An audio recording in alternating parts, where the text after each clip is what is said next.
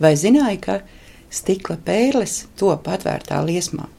Šo tehniku sauc par lampwork vai par lampas darbu no tiem laikiem, kad stikla kausēšanai tika izmantotas eļļas vai spirta lampas.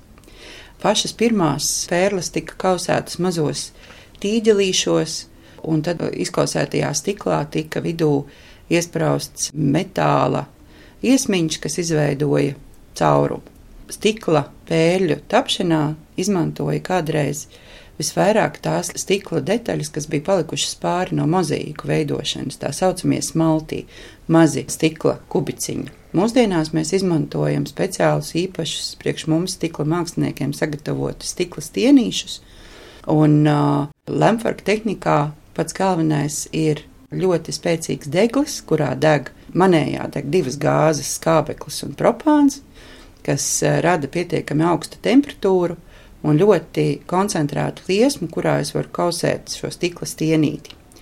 Pati pērle top tā teikt uzsēdināta virsū uz tā saucamās mandreles. Tas ir tērauda iesmiņš, kura gals ir iemērts speciālā separatorā. Tas ir materiālā, kas vēlāk izšķīdīs ūdenī, bet kurš ir karstuma izturīgs.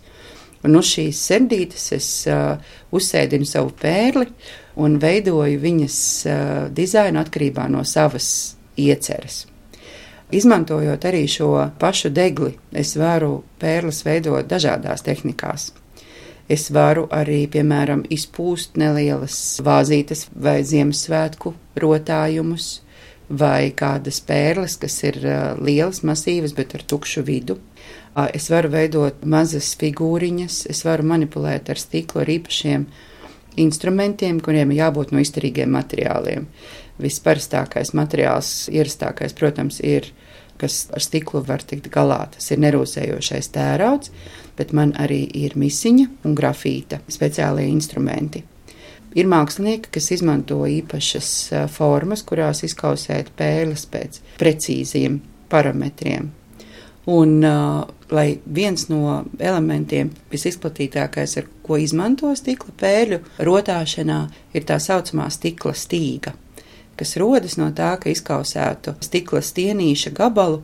Mēs izvelkam ar stānziņām tādā tievā un smalkā stīdziņā, kas tiek vēlāk atdzesēta, un ar viņas palīdzību var izveidot uz stikla gan dažādus rakstus, gan, gan pumpiņus, gan valnīšus vai kādus citus elementus, ko nu mākslinieks tajā brīdī ir iecerējis.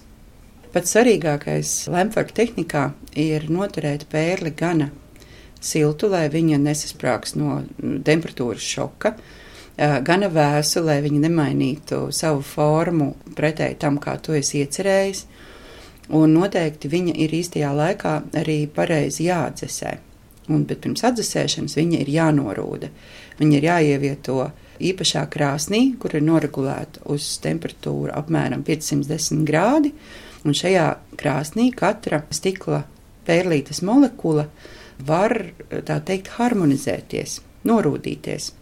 Jo katra stikla pērlītes daļa ir bijusi vairāk vai mazāk saskārusies ar karstāku vai vēsāku liesmu. Daļa no pērles ir, ir, ir siltāka, daļa ir augstāka, un tas rada pērlītē spriedzi. Taču, ievietojot šīs pērles krāsnī ar 510 grādu temperatūru, visas stikla molekulas sāk vibrēt vienā un tā pašā frekvencē, līdz ar to nodrošinot to, lai pērles būtu gana stipras. Arī pēc tam, kad viņas būs atzisušas, šādu norūtītu pērli nav bail arī nomest zemē, vai nav bail, ka viņi piedzīvos kādus temperatūras pārdzīvojumus.